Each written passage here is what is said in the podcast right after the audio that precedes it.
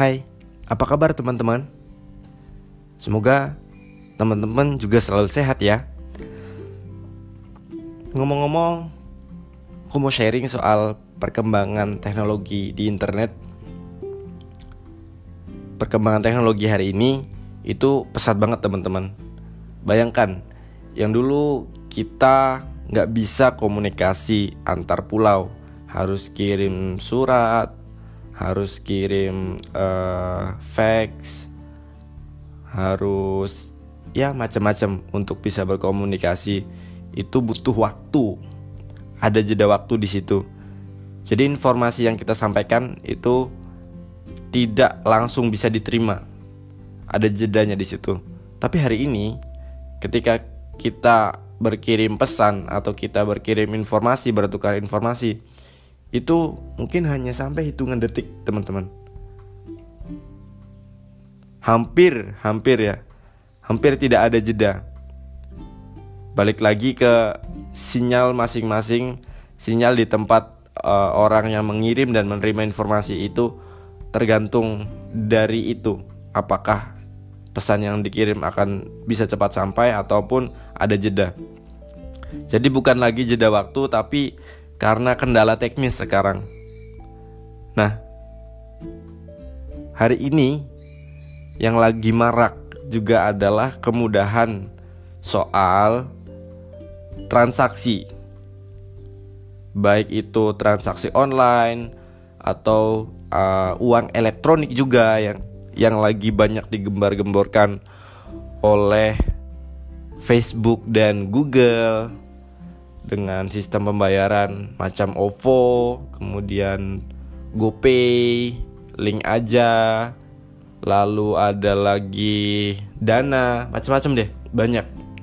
Jadi sekarang kita nggak perlu bawa dompet lagi, kita cukup bawa smartphone dan semua transaksi itu bisa dilakukan di situ. Mudah kan? Tapi ngomong-ngomong soal itu, Teman-teman pernah denger nggak e-commerce Shopee? Bukan pernah denger lagi kayaknya. Kayaknya sehari-hari memang Shopee jadi makanan teman-teman ya. Saya menemukan data menarik dari si Shopee ini bahwa Shopee itu eh, tahun 2019 jadi brand paling populer dengan 90% responden menyatakan bahwa Shopee sebagai brand yang pernah digunakan dalam tiga bulan terakhir. Ini 90% loh. Artinya memang hampir mayoritas masyarakat itu menggunakan Shopee sebagai e-commerce untuk transaksi online. Sampai-sampai eh, kadang-kadang kalau kita ketemu teman, kita ketemu saudara gitu, yang dibicarakan adalah tentang transaksi, tentang barang-barang, tentang kemudahan membeli satu barang di media online. Misalkan, eh beli di mana? Beli di sana, di toko bla bla bla. Ada satu keluarga menambahkan, eh nggak usah itu mahal, beli online aja di Shopee, kan murah. Hal-hal semacam itu menjadikan e-commerce ataupun semua transaksi-transaksi itu uh, lebih ke online.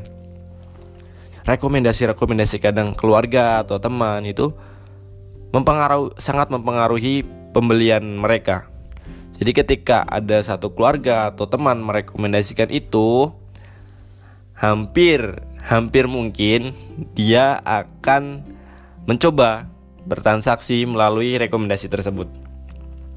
Karena sekarang itu eranya era rating ya, era rating, era rekomendasi dan dengan semakin tumbuhnya eh, toko-toko online otomatis testimoni ya. Kalau bahasanya testimoni testimoni-testimoni itu terus digali, terus ditampilkan, terus dimunculkan uh, bahwa ini loh ketika bertransaksi online itu aman kok. Itu juga sama kok kayak transaksi offline bahkan lebih murah. Bahkan kita nggak perlu harus antri nggak perlu harus uh, datang ke tokonya. Kita cukup duduk manis di rumah sambil nonton televisi atau makan sayur asem tadi.